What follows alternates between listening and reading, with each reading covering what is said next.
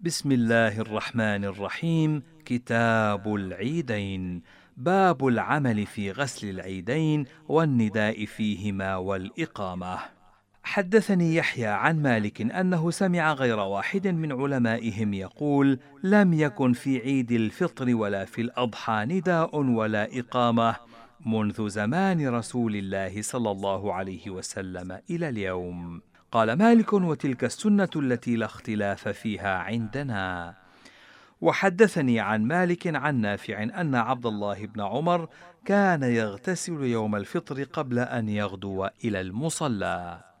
باب الأمر بالصلاة قبل الخطبة في العيدين. حدثني يحيى عن مالك عن ابن شهاب أن رسول الله صلى الله عليه وسلم كان يصلي يوم الفطر ويوم الأضحى قبل الخطبة. وحدثني عن مالك أنه بلغه أن أبا بكر وعمر كانا يفعلان ذلك.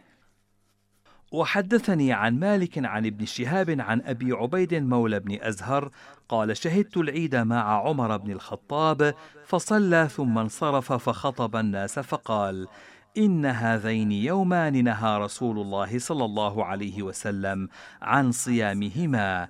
يوم فطركم من صيامكم والآخر يوم تأكلون فيه من نسككم.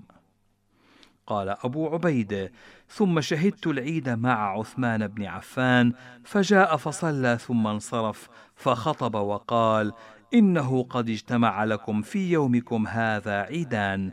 فمن أحب من أهل العالية أن ينتظر الجمعة فلينتظرها ومن أحب أن يرجع فقد أذنت له.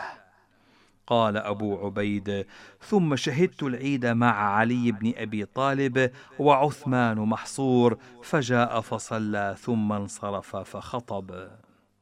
باب الأمر بالأكل قبل الغدو في العيد. حدثني يحيى عن مالك عن هشام بن عروة عن أبيه أنه كان يأكل يوم عيد الفطر قبل أن يغدو. وحدثني عن مالك عن ابن شهاب عن سعيد بن المسيب أنه أخبره أن الناس كانوا يؤمرون بالأكل يوم الفطر قبل الغدو. قال مالك ولا أرى ذلك على الناس في الأضحى. باب ما جاء في التكبير والقراءة في صلاة العيدين. حدثني يحيى عن مالك عن ضمرة بن سعيد المازني عن عبيد الله بن عبد الله بن عتبة بن مسعود أن عمر بن الخطاب سأل أبا واقد الليثي ما كان يقرأ به رسول الله صلى الله عليه وسلم في الأضحى والفطر. فقال كان يقرأ بقاف والقرآن المجيد واقتربت الساعة وانشق القمر. وحدثني عن مالك عن نافع مولى عبد الله بن عمر أنه قال شهدت الأضحى والفطر مع أبي هريرة فكبر في الركعة الأولى سبع تكبيرات قبل القراءة وفي الآخرة خمس تكبيرات قبل القراءة.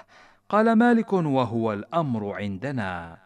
قال مالك في رجل وجد الناس قد انصرفوا من الصلاة يوم العيد إنه لا يرى عليه صلاة في المصلى ولا في بيته وأنه إن صلى في المصلى أو في بيته لم أر بذلك بأسا ويكبر سبعا في الأولى قبل القراءة وخمسا في الثانية قبل القراءة. باب ترك الصلاة قبل العيدين وبعدهما. حدثني يحيى عن مالك عن نافع أن عبد الله بن عمر لم يكن يصلي يوم الفطر قبل الصلاة ولا بعدها. وحدثني عن مالك أنه بلغه أن سعيد بن المسيب كان يغدو إلى المصلى بعد أن يصلي الصبح قبل طلوع الشمس.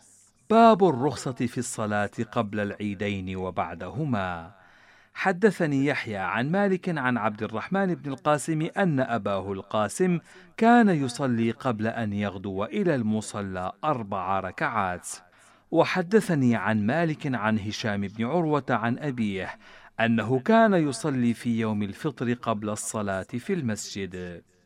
باب غدو الإمام يوم العيد وانتظار الخطبة. حدثني يحيى قال مالك مضت السنة التي لا اختلاف فيها عندنا في وقت الفطر والأضحى أن الإمام يخرج من منزله قدر ما يبلغ مصلاه وقد حلت الصلاة.